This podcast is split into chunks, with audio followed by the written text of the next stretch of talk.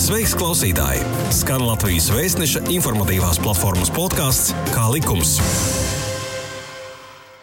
Sveiciens visiem darba nedēļas vidū, trešdienā. Es esmu Zaida Kalniņa, un šodien mūsu podkāsta vai latviešu podraides, kā likums tēma, ir tiesa izpildītāja amata atlīdzība. No kādām pozīcijām tā veidojas, kas to ietekmē un kad to arī iekasē. Proti, soli pa solim mēs mēģināsim iziet cauri iespējams nebūt netik biezam normatīvo aktu nosacījumu mežam, lai saskaroties ar situāciju, kad nākas būt pie tiesas izpildītāja un ir jāmaksā izbrīns par šo summu nebūtu pārlieku liels un cilvēks būtu izglītotāks. Skaidrojošais sarunai Latvijas zvērnāta tiesas izpildītāja padomu ir deleģējusi bijušo padomus priekšsēdētāju un tagad priekšsēdētājas vietnieku, tiesas izpildītāju Andris Pori. Labdien, Spors kungs! Labdien. Kā jūs vispār vērtējat savu klientu parādnieku un arī piedzināju izglītotības nu, tādu līmeni piedziņas jautājumos, vai tas ir uzlabojies? Atklāti runājot, es negribētu runāt par mūsu klientu parādnieku. Es gribētu par sabiedrību kopumā runāt. Tātad tā, viņiem sabiedrībai ir ļoti tāds, tāds vispārīgs priekšstats, kas ir zvērnāts izpildītājs, kas ir maksātnes veids administrators un kas ir ārpus tiesas piedzinājuma. Un kopumā es varu teikt, ka, protams, situācija ir uzlabojusies un, un, un, un ne tikai sabiedrībā, bet arī mūsu klientu starpā, starp parādniekiem ir tā lielāka izpratne ko tiesas izpildītājs dara, un ka no tiesas izpildītāja nevajag vairīties, un pie tiesas izpildītāja jānāk, jo zināms, tiesas izpildītājs darbojas tikai un vienīgi likuma ietvaros, un tikai un vienīgi uz konkrētu tiesas nolēmumu un citu institūciju administratīvo aktu pamata. Pats tiesas izpildītājs piespiedu izpildē pats uz savu iniciatīvu un uz kreditoru iniciatīvas nemaz nevar darboties. Jā, nu redziet, zvērnāts tiesa izpildītājs. Faktiski šis vārds zvērnāts, varbūt jūs varat paskaidrot tā, tā vienkārši, kas tas ir. Vienkāršiem vārdiem sakot, tas ir zvērs, kuru zvērnāts tiesa izpildītājs stājoties pie savas amata pienākumu pildīšanas dod Latvijas Republikas augstākās tiesas priekšsēdētājiem. Tad tas zvērsts godprātīgi kalpot Latvijas valstī, Latvijas sabiedrībai kā tādai.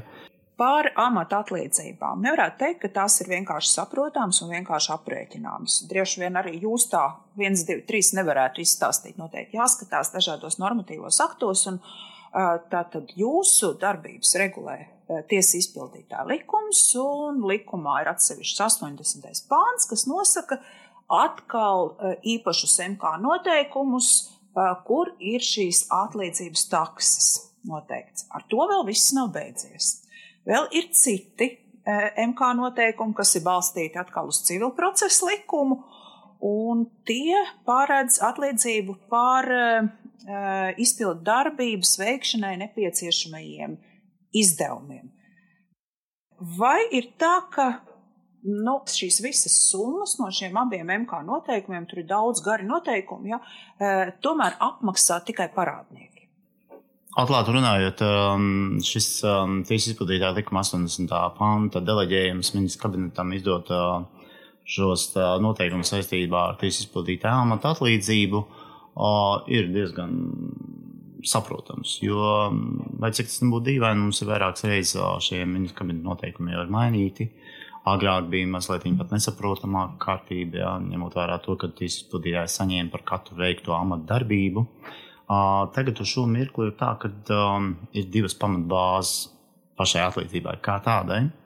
Uh, tad uh, amatdarbības takse un otrs ir procentuāla atlīdzība, ja tas ir saistīts ar parāda piedziņu kā tādu. Tas ir divas pamatbāzes. Un, uh, tas nu gan ir viegli aprēķināms, tāpēc, ka uh, šajos MK noteikumos uh, tas ir strikti regulēts un uh, ir tās divas pozīcijas. Um, Tas ir viss saistīts ar parādu piedziņu kā tādu, jeb naudas piedziņu. Otrs tad, uh, ir atsevišķas uh, amatdarbības, kas nav saistītas ar naudas piedziņu kā tādu. Tad ir izlikšana no dzīvojamām telpām, izlikšana no nedzīvojamām telpām, saskarsmes tiesības nodrošināšana vecākiem, bet tur arī jebkurai šai darbībai ir pretī viena takse. Un, kas attiecas uz šādu veidu mūsu atlīdzību, viņa ir ļoti saprotama, jo pēc vairāk kārtējiem grozījumiem tas ir pielabots, un, un, un tur arī parastam cilvēkam tas nemaz nav tik grūti aprēķināms. Kā ir ar izsolēm? Uh, izsole kā tāda, uh, tur arī tā nav atsevišķa atlīdzība par izsoli. Tas ministrs kabineta noteikumos nav paredzēts. Tas bija varbūt līdz 2012. gadam par izsoles rīkošanu, par pieteikumu iesniegšanu. Tam līdzīgi tur bija noteikts atsevišķs darbības, par kurām pienācās amatdarbības takse. Tagad tā, viņa apvienojās vienā, vienā taksē atkarībā no piedzimās summas. Uh, okay. Tātad, ja mēs tā prezumējam, tad varētu teikt, ka piemēram, man kāds ir parādā, bet es neesmu tiesā vērsusies, bet es jūs pazīstu, un es vēršos pie jums un saku, lūdzu, palīdziet, piedziniet no tā parādnieka izdevumus, ko viņš man nav atdevis, nu, parādu, var teikt, un jūs man teiksiet, ko ejiet uz tiesu visticamāk. Jā, jebkurā gadījumā tas ir ilgs process. Tas nav vienkārši, kad uh, cilvēks, kurš ir saņēmis kādu tiesību aizskārumu no citas personas, uh, var uzreiz griezties pie mums. Var griezties, ja ir no, zinām nosacījumi, tāda ir tiesa izpildītā likuma 74. pants, kad tur ir atsevišķas amatdarbības, kuras tiesa izpildītājs var veikt uz šīs ieinteresētās personas iesnieguma pamata, un par to ir paredzēta atsevišķa taksa. Bet šo taksi maksā šī ieinteresētā persona. Un šis ir pants, kas ir ārpus piespiedu izpildu darbībām. Tātad to mēs veicam tik tālu, cik tālu var veikt tā pati ieinteresētā persona. Tas attiecas uz šo gadījumu, kā jūs jautājāt, kad atnāk ieinteresēta persona un, un var teikt, nu, piedzeniet kaut ko. Mēs, protams, sūtīsim uz tiesu, un, un, un tieši tāpat kā tiesā ir jānomaksā valsts nodeva, kancelēs nodeva, tā tad uh, notiek tiesvedība, saņem tiesas spriedumu, atkal tiek dots labprātīgs izpildes termiņš, un tikai tad persona jau saņemot izpildu dokumentu tiesā, var nākt pie tiesas izpildītāja, ja pats parādnieks, ja atbildētājs jau joprojām nav samaksājis šo naudu. Un tad jau nonāk pie tiesas izpildītāja, tiek iereģistrēta lieta, izpildu lietu reģistrā, viņa arī tā, tiek iereģistrēta, un tad jau tas process sākas. Civil procesa uh, likumam atbilstoši sanāk tā, ka jūs sastādat, uh, jums ienāk lieta, jūs reģistrējat, jūs redzat piedzinamo summu, jūs aprēķinat arī visus tos uh, saucamos atlīdzības izdevumus, kas ir nu, pie iekasēšanas naudas paredzēti. Ja? Un šo summu jūs nosūtat parādniekam, iepazīties un arī piedzinējam. Piedzinējam, nē. Likums uzliek, tātad cilvēks likuma 555. pants uzliek tātad nosūtīt tiesas izpildītājiem paziņojumu par to, ka um, ir tāds nolēmums, kurš ir jāizpilda. Tātad parāda summa ir tāda, ja tiesa ir piedziņusi likumiskos procentus uh, uh, uz to dienu, uh, likumiskie procenti ir tādā apmērā. Uh, Un, protams, tiesas izpildītāja atlīdzība līdz noteiktam periodam ir tāda, un pēc noteiktā perioda būs cita. Bet tas būs tādā gadījumā, ja tiesas izpildītājs neveiks uh, papildus izpildu darbības, piemēram, ar nekustamā īpašuma pārdošanu, kustamās mantas apraksti, tad uh, uz to mirkli tie, uh, saņemot uh, šai personai, saņemot mūsu paziņojumu, uh, var brīvi iemaksāt to naudas summu Un uh, šī naudas summa tiek samaksāta. Tīs izpildītājs saskaņā ar Cilvēks likuma 568. pāntu sastāda aprēķinu un nosūta pusēm uh, zināšanai, un, ja viņas vēlas, viņas var arī tiesā pēc uh, tīs izpildītāja amata vietas viņu vēl pārsūtīt. Jā, jūs jau stāstot, pieminējāt, ka sanāk tā līdz noteiktam laikam, bet ja nesamaksā, tad jautājums man sekojošs būs, vai sastādot šo saucamo visu aprēķinu, kas būs šie piedziņas izdevumi, jūs varat tā to summu viens un divi paredzēt, viņa nebūs tā, ka pieaugs vēl. Sanāk, var pieaugt. Var pieaugt, Procesa bet viņa uh, tīri procentuāli uz to pašu atlīdzību viņa ļoti liela nevar pieaugt. Uh, tāpēc, ka tas saistās ar, kā jūs minējāt, ir tās divi, uh, divas grupas izdevumi.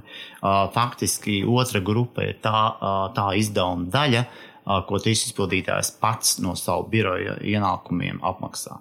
Tā tad tie ir ceļa izdevumi, tātad ministrs kabineta noteikumi paredz arī noteikti silprotas likuma 568. panta kārtībā par um, izdevumiem, kas saistīti ar tiesu nolēmumu izpildu kā tādu.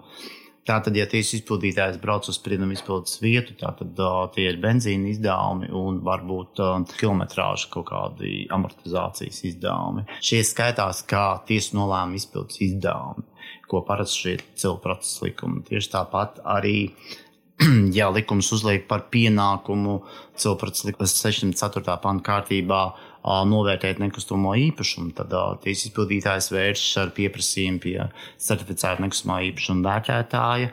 Vērtētājs veids um, novērtējumu un izsniedz rēķinu tiesas izpildītājiem. Tiesas izpildītājs viņu apmaksā, un tas atkal arī iet pie šiem izdevumiem. Tā tad ir virkne atsevišķu izdevumu, ko tiesas izpildītājs sākotnēji apmaksā no savu biroja ienākumiem, un pēc tam piedzen no paša parādnieka. Sakiet, kādās situācijās piedzinējs maksā jūsu izdevumus? Ļoti bieži sanāk tā, ka uh, ir cilvēciskais faktors, uh, Tātad piedzinēji, kuri nav atbrīvoti no sprieduma izpildes izdevumiem, tātad nāk pie tiesas izpildītāja.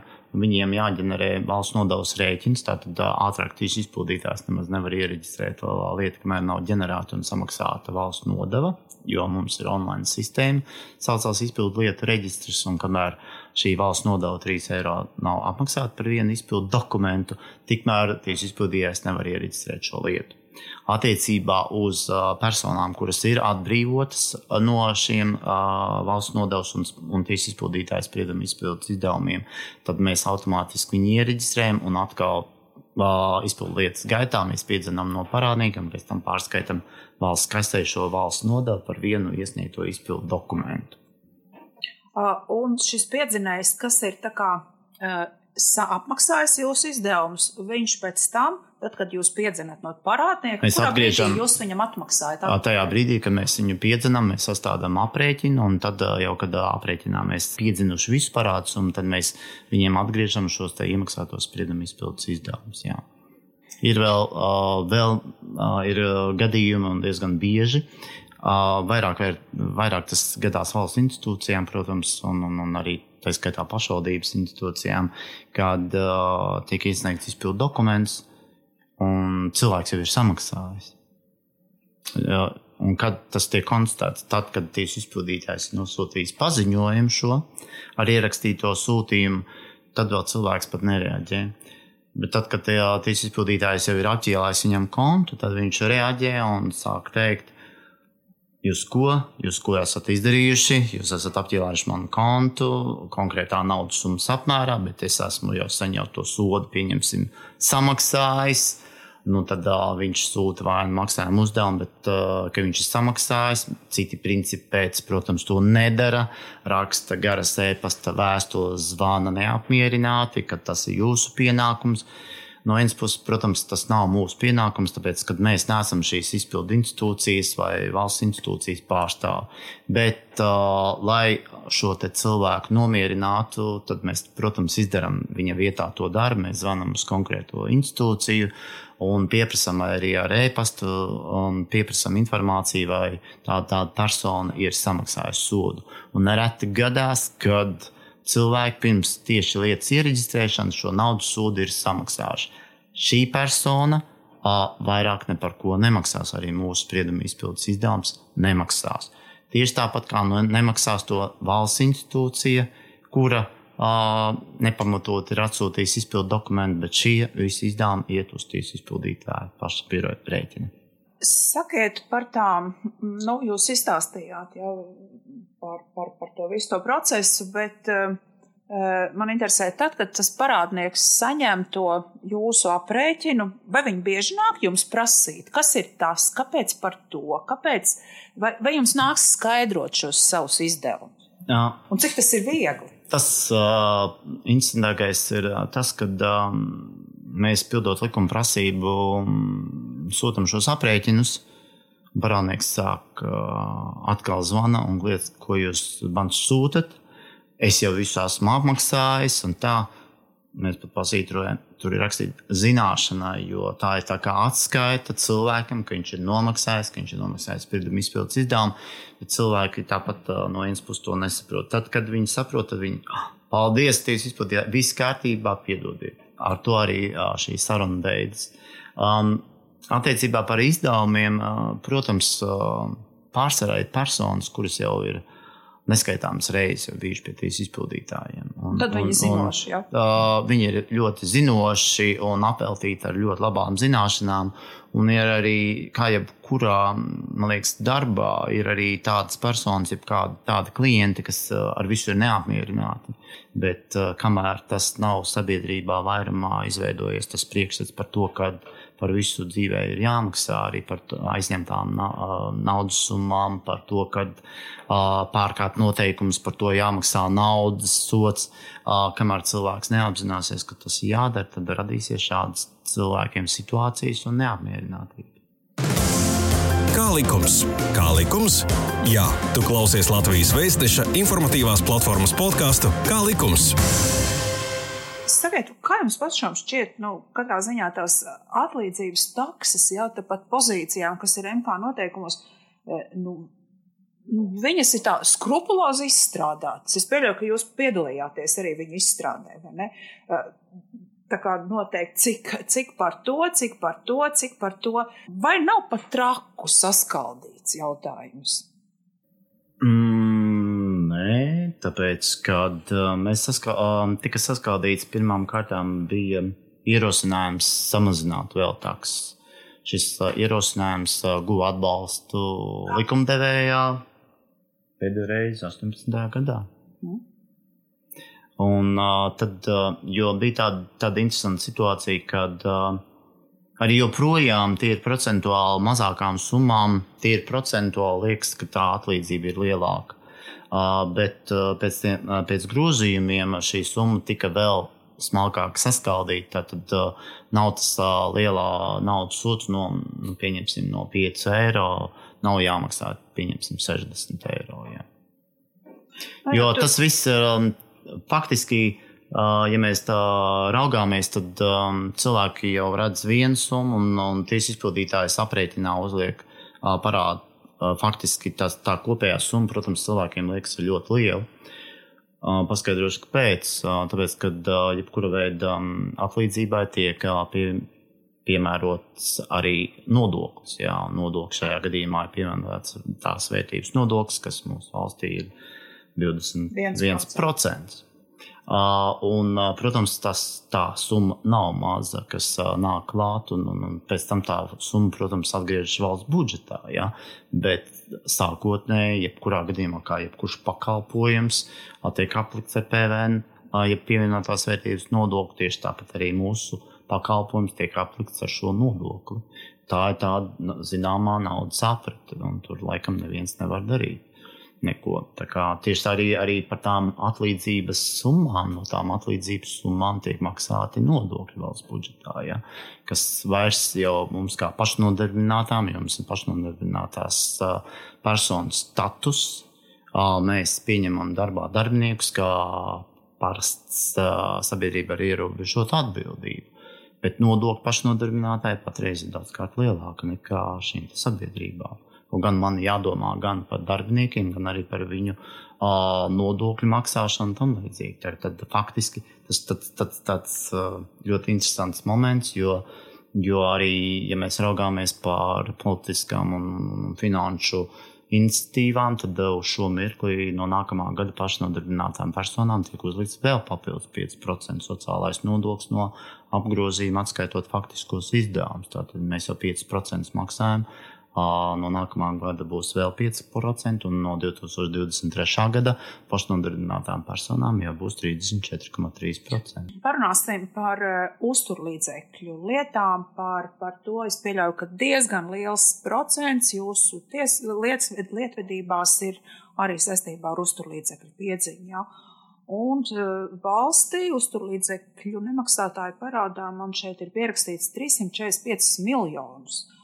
Tiesas izpildītāji diezgan daudz palīdzējuši atgūt no šiem uzturlīdzekļu ne, nemaksātājiem, jā, 21,8%. nu, nu, šī tendence ir pozitīva, bet es pieļauju, ka nav runa, varbūt arī jūs tā domājat, šajā, nu, kā teikt, piedziņas efektivitātei vai nē, bet runa ir par maksātspēju cilvēku. Jā. Un sakiet, Cik jūsuprāt ir, nu, varbūt arī ētiski, ka uzturlīdzekļu, jebkurā gadījumā šo spriedumu izpildes izdevumus apmaksā parādnieks, un arī uzturlīdzekļu piedziņas lietās sanāk, ka jūsu izdevumi tiek apmaksāti kā pirmie, un pēc tam tikai tai māmiņai, un arī darba samaksas jautājumos ir šis arī tāds sociāli jūtīgs jautājums, ir līdzīgi. Ja? Vai tas nu, šādās sociāli jutīgās jautājumos nebūtu nepieciešama grozījuma civil procesa likumā, ka, ka teiksim, tiesa izpildītāji izdevumi e, konkrētām lietu grupām tiek apmaksāti nevis prioritāri kā pirmie, bet nu, teiksim, kā pēdējie var būt? Um, jā, ļoti interesants jautājums, bet uh, mums jāskatās priekšvēsturē. Ja jūs runājat par šiem 345 miljoniem, tad mums jāskatās un jāraugās, kad tika izpildīta šī politiskā iniciatīva, kas ir ļoti laba iniciatīva, kad tika izveidots šis uzturlīdzekļu garantijas fonds. Um, tad, kad uh, šis uzturlīdzekļu garantijas fonda likums tika veidots un arī institūts uh, tika veidots, uh, kas apsaimnieko uh, šo te uzturlīdzekļu nemaksātājus un, un, un, un, un, un, un vecākus, kas nesaņem šos uzturlīdzekļus. Neviens nebija iedomājies, ka uh, tas būs tik lielos apmēros. Un, uh, ja jūs atceraties, tad uh, arī bija tāda situācija, kad uh, ļoti daudz, um, nu, pārsvarā, protams, lai piedod um, vīriešu kārtas pārstāvi, pārsvarā tie bija vīrieši, jeb bērnu tēvi, kas aizbrauca ārpus Latvijas.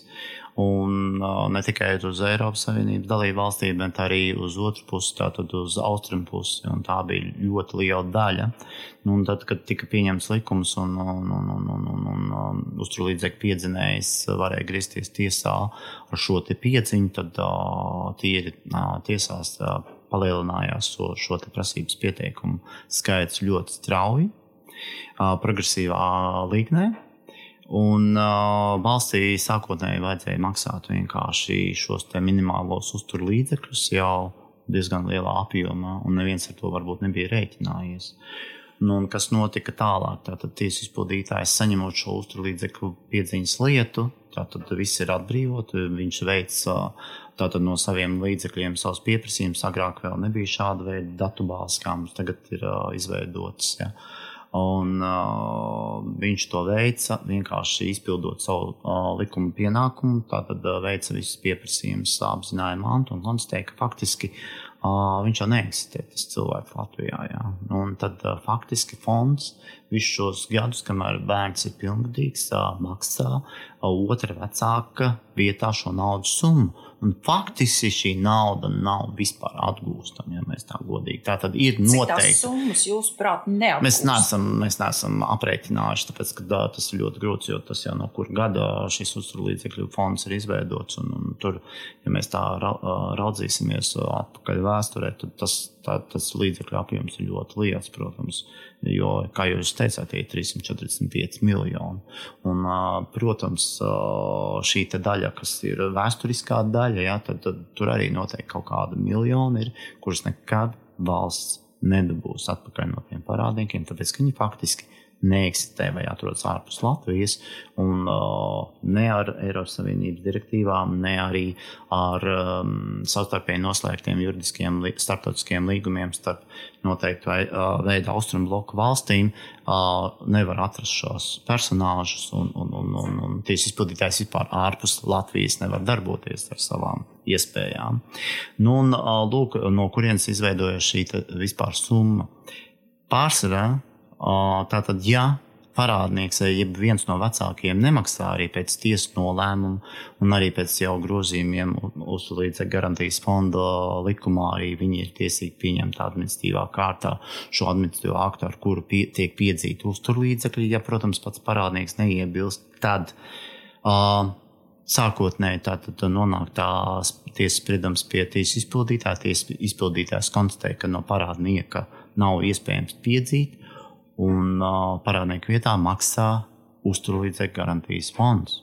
Vēl viens jūtīgs jautājums ir, ko nāmu apsaimniekotāji, es pieļauju, ir varbūt apvainojušies uz zvērnātiem tiesu izpildītājiem, jo tāda bija informācija parādījusies medijos, ka Rīgas nama pārvaldnieks ir izplatījis nu, tādu kā secinājumu, ka iedzīvotāju parādu atgūšana tiesas ceļā faktiski nu, ir, ir neefektīva, jo viņi kā piedzinēji nesaņem jā, šos, šos parādu iekasēšanas izdevumus.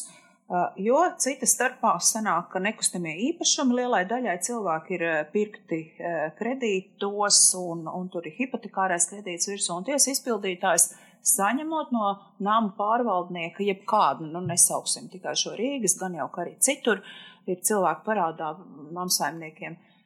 Uh, un saņem un uh, skatās, ka īpaši daudz ko nevar piedzīt, bet ir šis nekustamais īpašums, ko tomēr var pārdot izsolē. Ja? Tad, tad sanāk atkal, ka tiek uh, pārdots īpašums, parāds netiek atmaksāts kreditoram, kas ir vērsies pie jums, un cilvēks it kā paliek uz ielas, bet izpildītājiem izdevumi ir saņemti.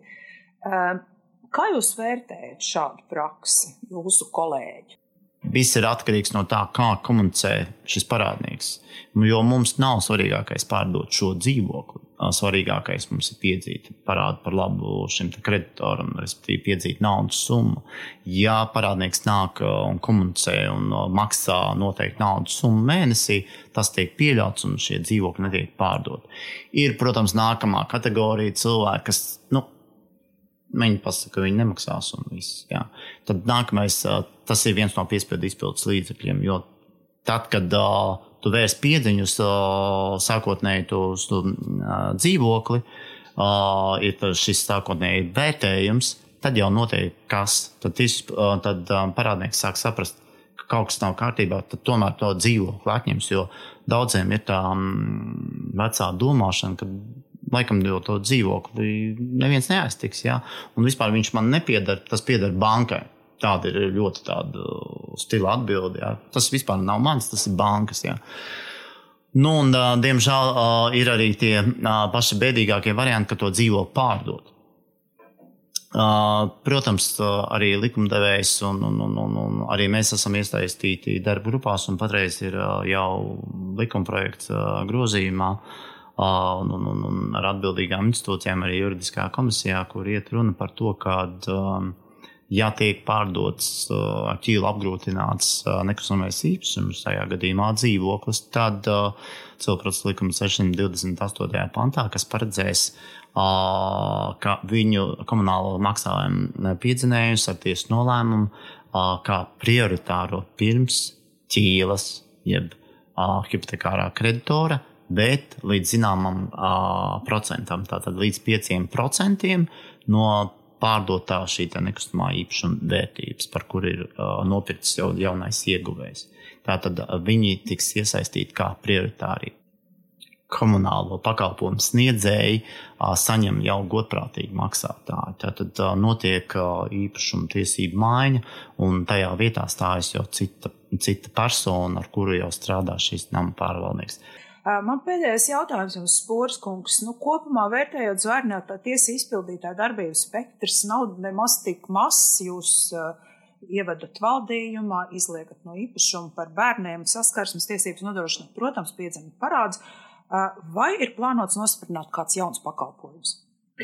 Patreiz um, pēc Tieslietu ministrijas uh, iniciatīvas ir uh, mēģināt ir mēģināts sakārtot, jeb uzlabot šo uzturlīdzekļu piedziņu, tad kā viens no pilotu projektiem ir aizgājis un ministrs kabinets to ir akceptējis grozījumi uzturlīdzekļu garantijas fonda likumā ar kuru uh, uzturlīdzekļu garantijas fonds pieņemot administratīvo aktu par uzturlīdzekļu piedziņu uh, no, uh, no no vecāka, kas nemaksā uzturlīdzekļus, dos šo administratīvo aktu privātai kompānijai.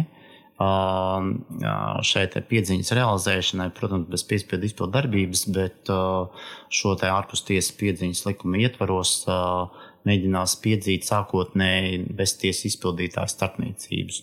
Tad, kad noteiktā laika periodā nebūs iespējams to piedzīt, no šīs vainīgās personas, tad griezīsies atkal pie tiesas izpildītāja ar šo amnestiju aktu. Paldies, teikšu jums par sarunu. Ļoti plaši stāstījāt par tiesas izpildītāju darbībām. Paldies, ka klausījāties uz tikšanos nākamā trešdiena. Ar jums kopā bija Zaida Kalniņa, podkāsts kā likums un zvērnāt tiesas izpildītāju padomus priekšsēdētāja vietnieks Andris Spore. Paldies! Šī bija iknedēļas pusstunda kopā ar oficiālā izdevēja Latvijas vēstneses informatīvās platformas podkāstu Kā likums. Pastāsti citiem, ja bija noderīgi un interesanti. Kā likums, tiekamies ik trešdienu!